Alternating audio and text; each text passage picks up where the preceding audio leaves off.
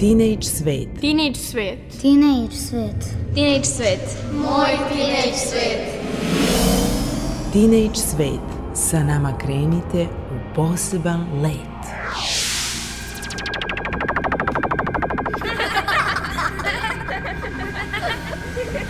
Kreativan deči svet.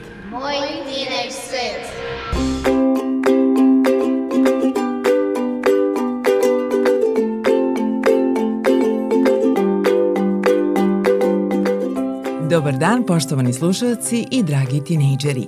Dobrodošli u vaš Teenage magazin za kvalitetnije odrastanje.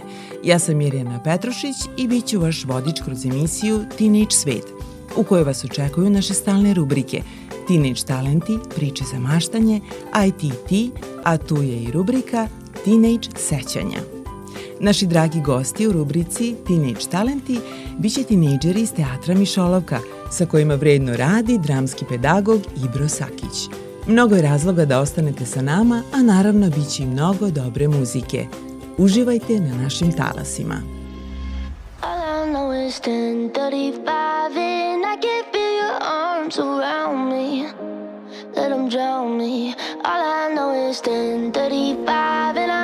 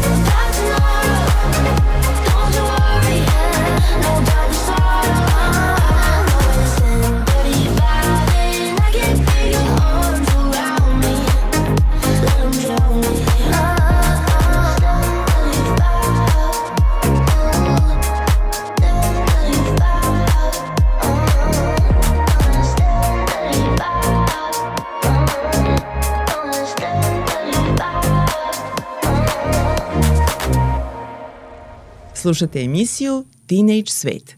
U narednim minutima u rubrici Teenage talenti družimo se sa tinejdžerima iz teatra Mišolovka, sa kojima sam razgovarala pre njihove probe u Kulturnom centru Novog Sada. Dobar dan, ja sam Nikola Popović. Idem u teatar mladih Mišolovka od sedmog razreda, znači jedno pet godina. I to sam se upisao tako što e, je moja ma majka, pošto sam inače bio jako povučen u sebe i mnogo sam voleo da maštam, ali nisam se baš aktivno družio, pa zbog toga je moja majka videla u oglasu da ima ovaj teatar, pa, sam, pa smo jednog dana odlučili da odemo tamo da vidimo kako to izgleda i e, meni se to odmah prvog dana svidelo i odlu, shvatio sam šta želim u životu, odnosno da se bavim glumom. Koliko bavljenje glumom utiče na samopouzdanje? Mogu vam reći da za, zaista dobro utiče na samopouzdanje jer vam pomaže da faktički nađete svoje pravo ja, da e, ne budete, e, da e, sve, da sve što mislite da to kažete na sceni, da budete svoji, da budete prirodni, da jednostavno ispoljite sve što vas ispunjuje. Ja sam Elena Živanović, ovde idem oko dve godine. Uh, upisala sam se prvo zato što sam htela da se bavim glumom a, i zato što sam bila tako stidljiva i dosta me to, gluma me dosta, da kažem, oslobodila.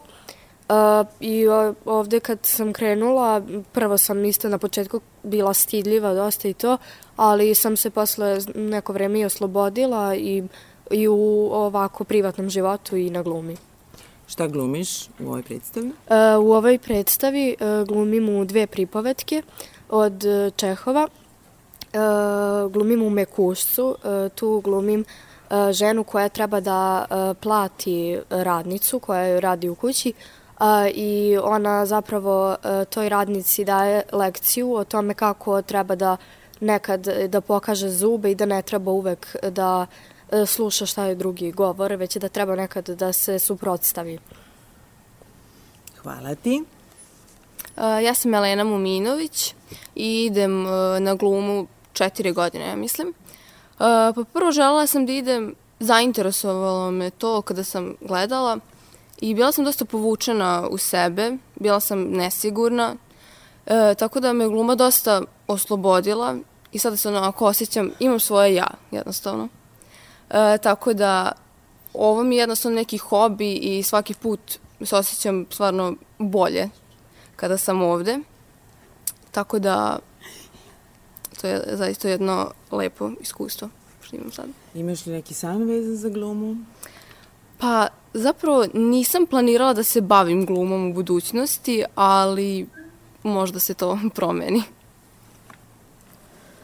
Uh, ja sam Maša Zorić i glumom se bavim već sedam godina i glumom sam zapravo krenula da se bavim baš zbog razloga što su mi se svidele filmovi i serije i kada sam videla da kroz glumu možeš proživeti različite situacije i različite gledanja života, da vidiš zapravo kada preuzmeš taj karakter, da ne moraš ti to da proživiš. Mnogo mi se svidela ta ideja glume i zato sam i krenula. Takođe, gluma mi je nekako na neki način postala onako jedan od važnijih stvari u mom životu i onako lepših stvari koje sam odabrala da se bavim. Kako se družite u teatru Mišolov? Pa svi se podržavamo i ovde stvarno nema um, nikakvog ismijavanja, ogovaranja, svi smo jedni prema drugima korektni i stvarno nikad nije bilo nikakvih problema. Bilo bi dobro da je tako i u školi, da? Jeste. Ja sam Mija Trivić i glum se bavim nepune dve godine. E, za sad sam glumila u jednoj predstavi prošle godine koja se zasnivala na temi e, nesigurnosti i problema tinejdžera. Ovde mi se dopada generalno atmosfera i koliko, koliko, je, koliko grupa podržava svaku osobu i koliko nema nekih grupa ili ogovaranja i stvarno je sve divno. Da li možeš da iskažeš tu svoj potencijal? Na pravi način. E, dakle, ono što posjeduješ kao talenat, da li to izađe na scenu? Pa, još uvek sam nesigurna, ali gluma mi je sigurno uh, tu nesigurnost umanjila i osjećam se sigurnije Um, ali generalno mislim da mogu. Hvala ti. Uh, ja sam Svetlana Lakić i glumom se bavim tri i po godine. Ovde sam otprilike pola godine, a prethodno sam od petog razreda išla u još jednu dramsku uh, sekciju. I glumila sam u jednoj predstavi pod nazivom Mali print, rađena po istoimenoj knjizi a ovde uh, glumim u tri pripovetke Antona Pavlovića Čehova, u pripoveti Gošća gde glumim, da kažem, tu napornu gošću koja ne želi da ode kući, glumim u Mekuštu, uh, glumim radnicu koja treba da pokaže zube i u Protekti glumim uh, šeficu koja bi trebalo da otpusti jednog od svojih radnika. Um, gluma, sama, ja sam krenula na glumu iz razloga što sam bila nesigurna i bila sam jako stidljiva, ali nakon ove tri i po godine smatram da sam napravila jedan veliki korak, odnosno dosta sam se oslobodila i dosta sam sigurnija u sebe, kako i na sceni, tako i u životu. Dakle, gluma mnogo pomaže. Da li i tebi gluma pomogla? E, me, ja se zovem Lena Šamatić i da, meni isto jako gluma pomogla zato što e, kad sam bila mlađa isto sam bila jako nesigurna i išla sam i na folklor i kad izađem tamo na scenu isto budem nesigurna. E, pa pisala sam se na glumu zato što su mislim e, govorili kad sam se onako šalila da, da idem na glumu, da me upišu, onda sam probala da idem na glumu e, i jako mi se svidelo, sviđa mi se kako svi ovde radimo, ljudi i sve. Lijepo. Uh, ja sam Vuk Vučić i uh, član sam Teatra Mladih Mišolovka već ima jedno 7-8 godina. Zbog čega si u Mišalovci? Pa zbog čega sam u Mišolovci? Zato što uh, sam, kad sam bio mlađi, bio sam mnogo nestašan, nemiran, neozbiljan, bio sam mnogo razmažen, ali od kad sam ovde sam se mnogo ozbiljio i mnogo sam dobro proradio na, na sebi i um, mnogo volim da dolazim ovde i zbog društva, a i zbog svojih uh, nastavnika i da. Dakle, gluma, gluma pomaže da se ta neka energija iskanališe u neku kreativnu stvarlačku energiju. E, pretpostavljam da si puno puta bio na sceni. E, koje sve uloge si tumačio? Sad onako, ako se sećaš. Pa bio sam baš dosta uh, u dosta uh, predstava i dosta igranja. Um, radio sam San letnje noći od Williama Shakespearea. Um, dva put sam, sam to radio. Bio sam u predstavi uh, Ana Frank i glumio sam uh, Petra Van Dana. Um, bio sam i u jednoj našoj originalnoj predstavi uh, koja se zove Presek. Um, I bio sam u dosta raznih scena. Uh, glumio sam otprilike ono 3-4 različitih likova i sada radimo uh, no, novo delo od uh, Čehova, radimo uh, isto kao i u preseku imamo dosta scena, radimo dosta njegovih dramskih dela um, i da, baš sam, do, baš sam, baš sam puno uloga dobio da radim. Bravo. Idemo dalje. E, ja sam Mihajlo Gucunja, član sam Teatra Mladih Mišolovka četiri godine i dolazim zato što volim glumu, volim ljude i volim uh, svoje profesore, učitelje. I dobru zabavu, pretpostavljam. I naravno, dobru zabavu. Šta tumačiš u ovoj predstavi koju pripremate? U predstavi koju pripremamo e, Antona Pavlovića Čehova, ovaj, dakle njegove pripovetke jednočinke, igramo u jednoj jednočinki i dve pripovetke.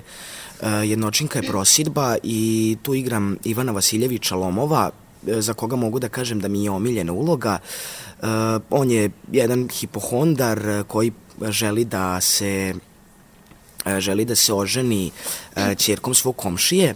E, tako je jedan sitničar e, i tako ja sam nekako kad sam tumačio ovaj tog lika kad sam razmišljao sam sa ovom o njemu e, sam shvatio da, da mi zvuči i izgleda kao da se ponaša kao, kao neki pacov. U pripoveci Otac porodice igram po meni najizazovniju ulogu igram oca porodice koji je kockar koji je jako agresivan koji pije i koji u toj kući stvara atmosferu da Uh, dolazi do toga da niko ne može pored njega da progovori, niko ne može da, da uh, jede ručak uh, i generalno jednu neprijatnu atmosferu. Ta uloga je za mene izazovna zato što ja privatno nisam takav, pa mi je malo teško da svojom glumom dočaram tako jednu atmosferu, ali trudim se. I druga pripovetka u kojoj igram i moj treći lik je dakle, to je pripovetka Otac i mladoženja, koju smo mi prekrojili u majka i mladoženja, zato što nam fali, jel te, muških, uh, muških uh, uloga. I tu igram jednog mladića koji e, je boravio u kući nekih ljudi e, i sada on više ne želi dakle, da boravi u toj kući, on je tamo jeo besplatno i tako dalje i kada je shvatio da oni od njega očekuju da zaprosi e, neku od njihovih kćeri, želi da beži i onda se tu ubeđuje sa tom majkom, on joj govori o svojim manama koje u suštini izmišlja, pa te izmišlja da je pijanica, te da je proneverio novac i ide do toga da da joj kaže da je uh, umobolni uh, ludak, uh, ali ona za sve pronalazi izgovor i kaže ma nema to veze. Uh, I na kraju on uh, ovaj ode kod uh, doktora da mu da ovaj papir na kom piše da je ludak, uh, malo sam odužio, sad izvinjavam se. Uh, Ali budući glumci to rade. I ovaj i doktor mu kaže ako nećeš da se ženiš, nisi ludak, nećete dati papire da si ludak i to je kraj. Ja sam Teodora Kuzmanov. Glumom se bavim već 9 godina. Ovde u Teatru Mladih Mišolovki sam već 3 godine i sada u ovoj predstavi što radim, u što radimo, glumim ženu oca porodice što treba da trpi cijelo to neprijatnost i to psihičko nasilje i da.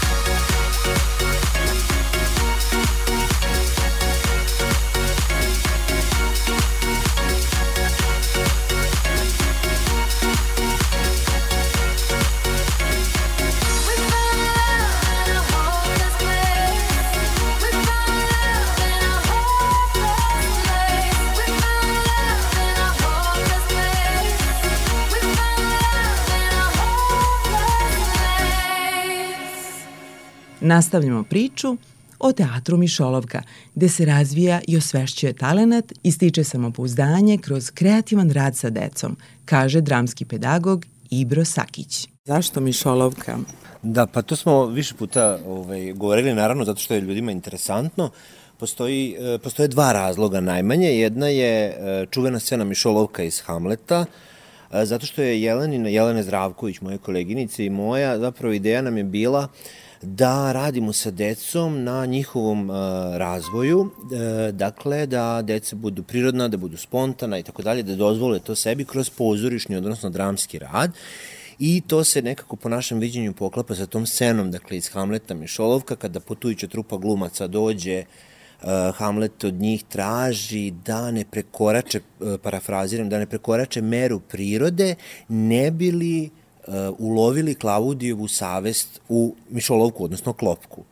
Tako da smo to povezali sa tom našom idejom o podržavanju prirodnosti i spontanosti kod dece i druga je pošto uh, je gluma odličan, odličan alat za oslobađanje uh, od treme, strahova, za rad na samopouzdanju, kanalisanje prosto energije svakog deteta, zato što imate i onih koji su hiperaktivni, koje treba samo kanalisati, malo smiriti i tako dalje. E, dakle, taj drugi razlog jeste da i naš logo je takav, dakle jedna mišolovka kao pozorišna zavesa, pa kada ščepa tog uplašenog miša, ona ga povuče i ne da mu da jel, pobegne. E, tako je isto bilo i sa Jelenom i sa mnom, ove, i mi smo bili dvoje stidljive dece koji su se ulovili u tu mišolovku, a verujem i većina, baš ogromna većina uh, ovaj, dece s kojom mi radimo se zaljubi pozorište. Vidim da su ovde sve sami zaljubljenici u pozorište. E, šta trenutno radite i pripremate i kada se očekuje premijera? Da, imamo četiri grupe i sad, pošto ih je četiri, ovaj, evo pokušat ću što kraće da objasnim. Sa jednom radimo, to su uh, os, osnovna škola od prvog do četvrtog razreda, uh, radimo bajke naroda sveta, tu nam je cilj zapravo da istaknemo neke univerzalne vrednosti, dakle, kod ljudi iz bilo kog kraja sveta, i da se to naravno, jel, kako da kažem, da deca znaju šta rade i šta igraju i s druge strane da prenesu poruku ne samo svojim vršnjacima, nego svima onima koji će ih gledati, jer na naše predstave ne dolaze samo roditelji. Sa drugom grupom tog uzrasta radimo poeziju, verovali ili ne, a ne na način onako kako bi svako pomislio, a to je da će sad deca nešto da recituju, ne, nego će oni igrati tu poeziju. Da, neko će... Tako je, neko će i govoriti, ali ostatak ekipe će da igra događaj ili misli ili osjećanja, dakle oni će svojim telima apsolutno ovaj, igrati to o čemu se uh, radi u, u pesmi, odnosno po našem viđenju. Ovaj, tako da će svi da igraju sve vreme. I naravno jedan od ciljeva tu je da se taj otmeni prelepi jezik koji je teško povezati sa njihovim generacijama, koliko god to možda nekom bilo e, teško za čuti, e, tako je, oni to ne razumeju, e, uglavnom i daleko im je, ne samo zbog stranih reči, nego uopšte zbog nekakvih reči koje nisu deo njihovog rečnika, a nama jeste cilj da oni nauče nešto i od tog otmenog jezika i čemu to služi i zašto je poezija kraljica svih umetnosti i tako dalje i tako dalje.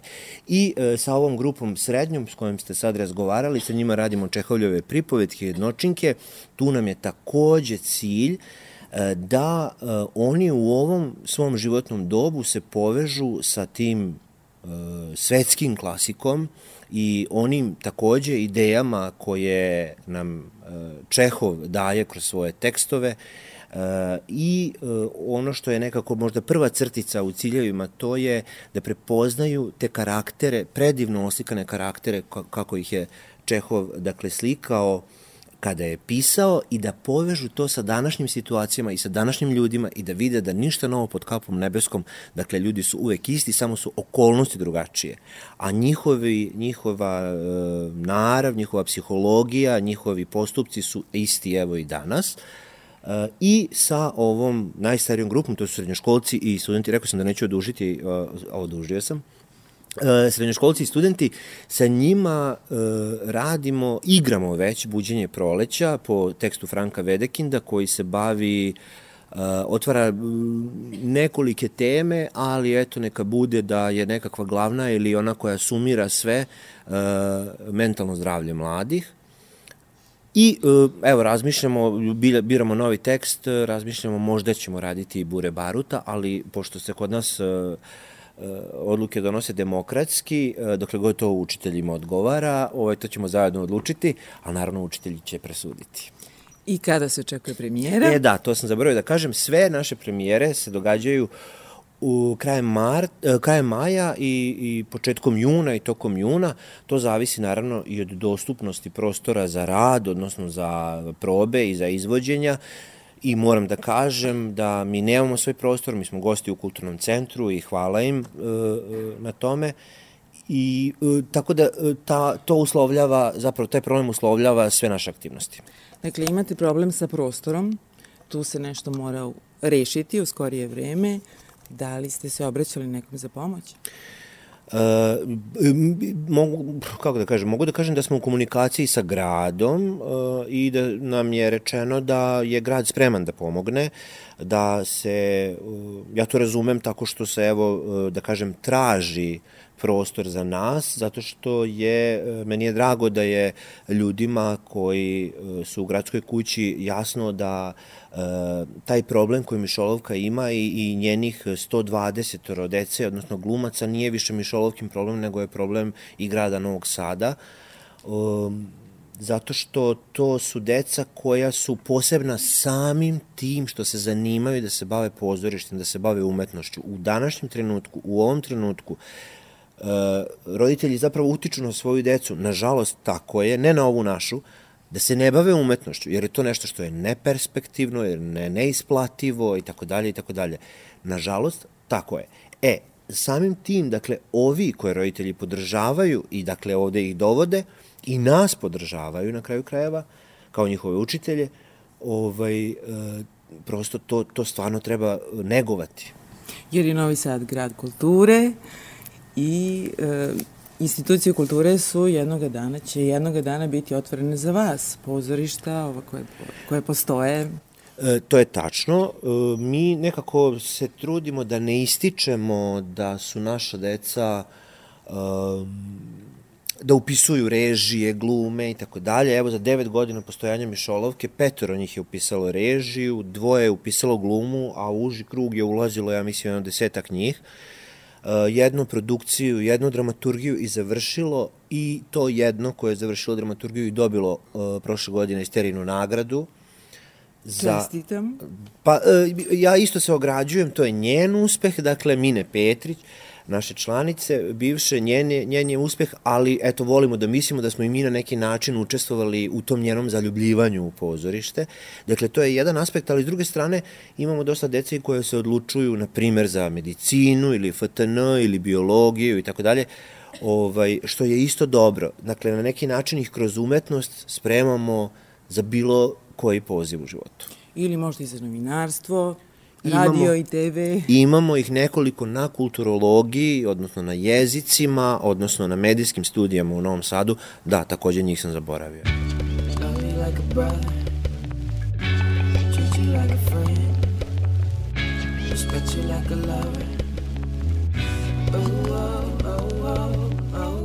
You could bet that, never gotta sweat that. Could bet that, never gotta sweat that. You could bet that, never gotta sweat that. You could bet that, never gotta sweat that. if you. Be the cash, I be the rubber band. You be the match, I will be a fuse. Boom, painter, baby, you could be the muse. I'm the reporter, baby, you could be the news. Cause you're the cigarette, and I'm the smoker. We raise the bet,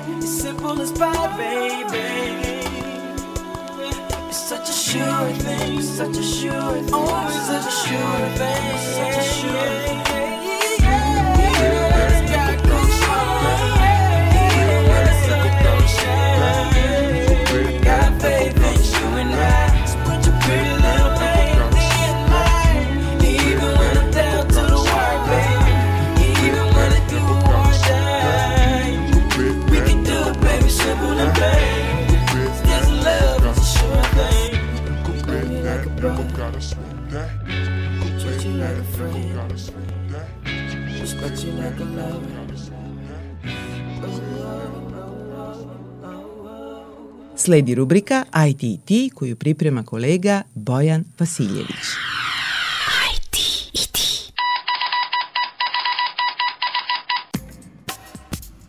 Kako je nastala web kamera?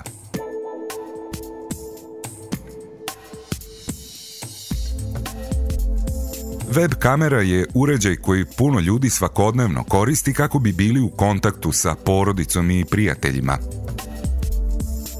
U početku je bila skup dodatak za računar, a danas je i najjeftiniji telefoni posjeduju, pa i po više kamera na jednom uređaju. Naime, naučnici sa univerziteta u Cambridgeu bili su u različitim delovima zgrade i morali su da pređu puno stepenica i kroz različite hodnike do sobe za odmor. I tamo bi ih često sačekala prazna posuda aparata za kafu. Strašno. Nehotice su napravili web kameru davne 1991. godine, a motiv tog revolucionarnog otkrića krije se iz aparata za kafu. Jedan iz ekipe naučnika tog vremena, Quentin Stafford Fraser, objašnjava nam kako je to izgledalo. and I was part of a group that was working on um, multimedia over computer networks. U to vreme bio sam u grupi koja je radila na mogućnostima multimedije preko mreže. Networking standards were still being developed. Standardi su se tek razvijali. Nismo znali da li možemo putem mreže da emitujemo u boji, kojom rezolucijom, koliko sličica u sekundi. Higher quality, how much color can you get? Could you do broadcast quality video over computer A networks? to je značilo da smo u okruženju imali različite multimedijalne igračke, kamere, mikrofone, razne stvari. Fun bits of multimedia multimedia kit. Lying around in a way that really wasn't very common at, the time. Ali ono što je veoma važno za jedno istraživanje je dobar dotok kafe. That's a good flow of coffee. Trebala nam je kafa da ostanemo skoncentrisani kada radimo. Imali smo taj neki očajan aparat za kafu, delilo ga je nas 15-oro. awake uh, A ako ostane neko vreme u aparatu, kafa je naročito loša.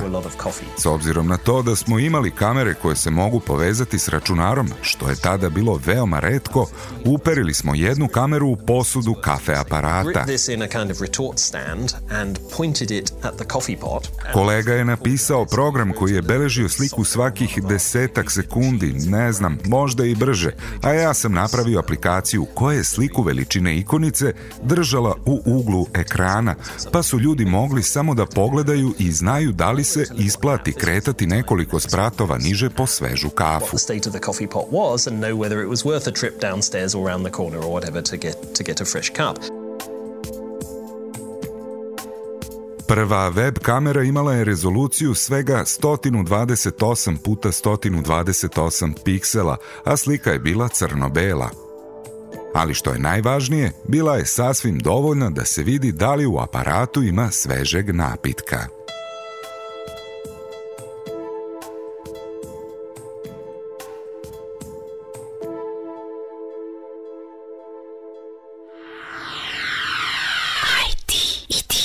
Slušamo priču za maštanje koju sam pripremila za vas.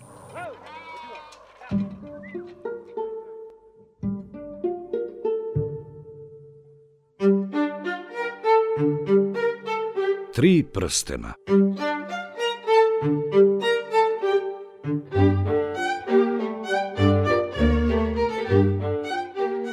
Jednom je jedan kralj poslao pismo drugom kralju koji je imao kćer za udaju želeći da je zaprosi za svog sina. Kada je kralju pismo stiglo sa prstenom u njemu, on ga pročita i reče slugi koji je čekao odgovor. Ja ne mogu ništa da ti odgovorim dok ne pitam devojku. Tako se kralj zaputi ka odajama svoje kćerke.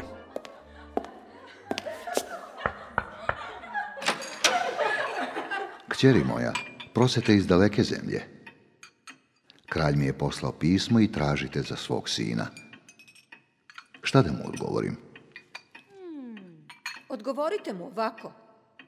Ako mi ne donese tri prstena, jedan od zvezda, drugi od meseca, a treći od sunca, ja ga neću hteti za muža.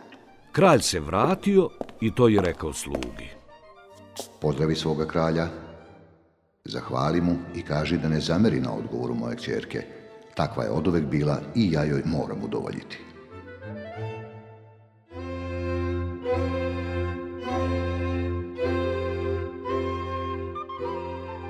Kada se sluga vratio i sve ispričao kralju, on se veoma rastuži i poče misliti kako da nabavi ova tri prstena. Na kraju smisli da objavi glas po svetu da će onom komu nabavi tri prstena za nagradu dati nebrojeno zlato ili polovinu kraljevine. Ali sve bi uzalud. Kada je video da nema odgovora, kraljev sin pade u veliku žalost. Lutajući u očajanju, najđe kraljev sin do jedne planine gde srete jednu babu. Pomoz Bog, baba. Bog ti dao, sinko, da budeš nesrećan, pa sretniji, pa presrećan sine. A šta ti to znači što si rekla baba? Od mene nesrećnijeg nema na ovom svetu. Ti si, sinko, sad naišao na lekara, koji će te, ako Bog da, od tvoje muke izlečiti. Pomozi mi, baba, ako Boga znaš. Tražim tri prstena. Prsten od zvezda, meseca i sunca. Da li znaš gde da ih pronađem? Slušaj ovamo. Uzmi ovu travu što mi je u nedrima, te je u svoja nedra stavi. Raščešljaj mi kose na dva dela i pusti mi jedan deo napred, a drugi nek mi padne niz leđa. I ostani tako kod mene do večeri. Kraljević posluša babu i učini sve kako mu je rekla. Uze onu travu i stavi je sebi na grudi, pa rasplete babinu kosu koja pade po dolini, sva crna kao ugalj, samo je ponegde bila seda. A kad pade veče, reče baba kraljevom sinu.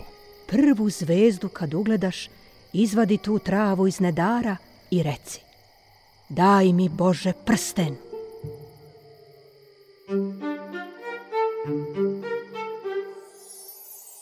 Kad ugleda prvu zvezdu, Kraljević zamoli Boga za prsten. Daj mi, Bože, prsten.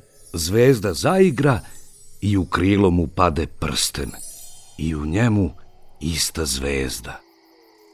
Potom mu baba reče da pazi kada iza gore iziđe mesec i da to isto učini. Daj mi, Bože, prsten. Istoga trena prsten mu pade u krilo i u njemu mesec. A kad bi jutro, još pre izlaska sunca, baba mu reče. Kad se sunce promoli, gledaj ga kroz moje kose, dok sasvim ne izađe i tri puta reci, pretvori mi Bože od ove kose prsten kao sunce.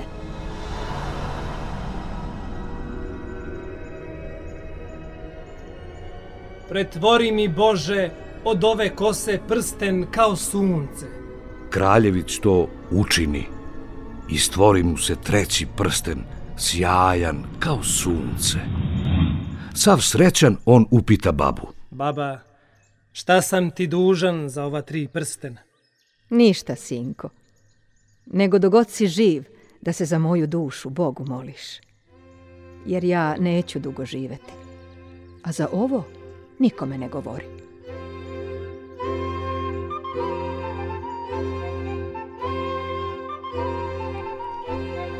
Kraljević joj zahvali i u ruku je poljubi, te se s njom oprosti. I ode da prosi mladu. Živeli su srećno u slozi, ljubavi i veselju.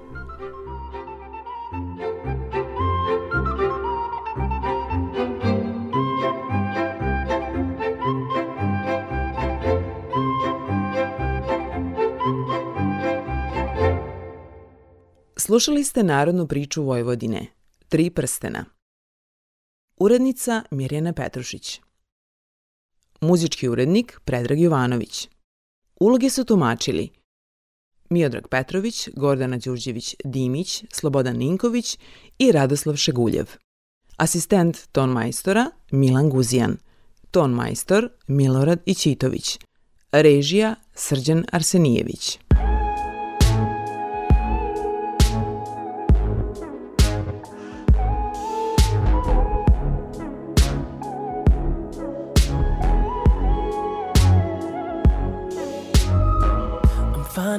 To articulate the feeling I'm going through. I just can't say I don't love you. Cause I love you. Yeah, it's hard for me to communicate the thoughts that I hold. But tonight I'm gonna let you know. Let me tell the truth. Baby, let me tell the truth. Yeah, you know what I'm thinking it in your eyes. You hate that you want me, hate it when you cry. You're scared to be lonely, especially in the night. I'm scared that I'll miss you. Happens every time. I don't want this feeling. I can't afford love. I try to find reason to pull us apart. It ain't working, cause you're perfect, and I know that you're worth it. I can't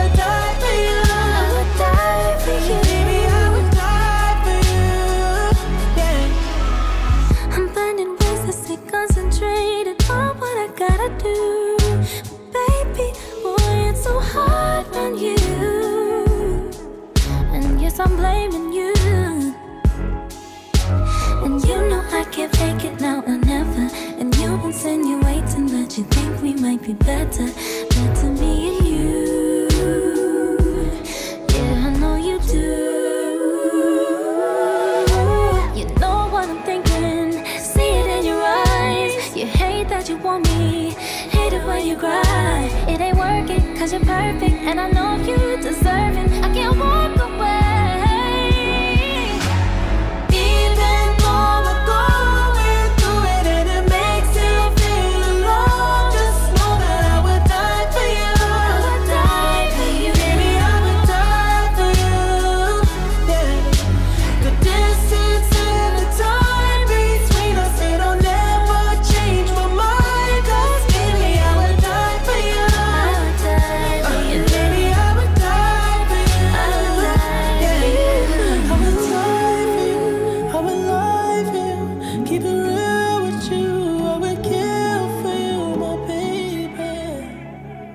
narednim minutima slušamo rubriku Teenage sećanja, u kojem vam o teenage danima i svojoj profesiji govori moja koleginica iz romske redakcije Televizije Vojvodine, Ružica Kovačević. Moji teenage dani nisu bili veoma burni, nekako me to sve vodilo, družila sam se do duše, isprobavala sam neke sebi, mogu da kažem, zanimljive stvari, ono što me tada kao neku teen, teenage devojčicu ovaj, fasciniralo.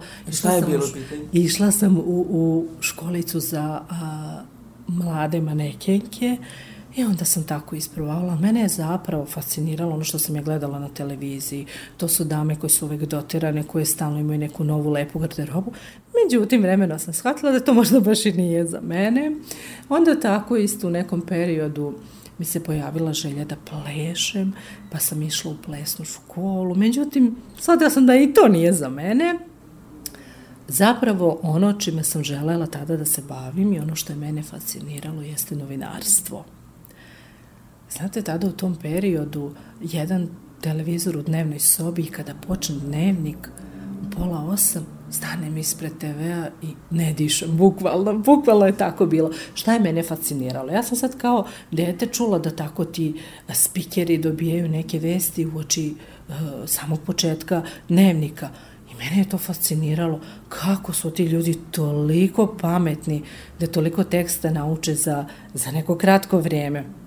Da sam stalno mislila kako ja naučim jednu pesmicu na pamet, pa nekako je jedva naučim, pa brzo ove zaboravim. I e, kasnije, nakon srednje škole, u savjet roditelja sam ipak odlučila da upišem školu Udruženja novinara Srbije. E, tada sam već malo, kao srednjoškolka, malo spoznala, jel te, alate novinarstva i kako sam više e, saznavala o, o, o tim stvarima, sve me više vuklo. Mislila sam da je to ono čime želim da se bavim u životu. E, koje su prednosti tvoje profesije i zbog čega voliš da se baviš poslom koji radiš?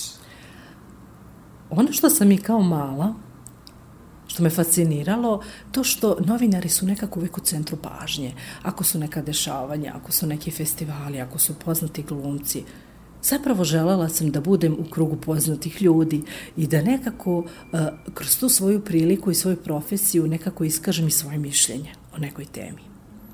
Dakle, ono što te odredi u detinjstvu, e, to je ono pravo. Tako je upravo to, te neke dečije, kasnije i mladalačke želje, ako smo dovoljno uporni u onome što želimo da postignemo i ono čime želimo da se bavimo, uh, zaista uspeh ne izostaje. Naravno da kažem uopšte to, taj put moj gde sam sada nije bio lak. Uh, spletom okolnosti sam završila ekonomiju, ali ta želja nekako nikad mi se nije gubila. Kasnije sam završila BBC, BBC školu za novinare, pa Deutsche Welle akademiju za novinare, e tek sam onda ovaj, shvatila da je to ono čime želim da se bavim cijelog života i verujte, nikada se nisam pokajala. Hvala puno. Hvala vama.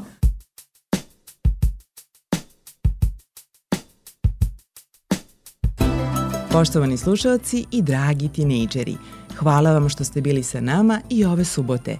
U emisiji su učestvovali kolege Bojan Vasiljević, Vera Maletić i Ružica Kovačević, muzički urednik Maja Tomas, ton majstor Damjan Šaš i autorka i voditeljka emisije Mirjana Petrušić.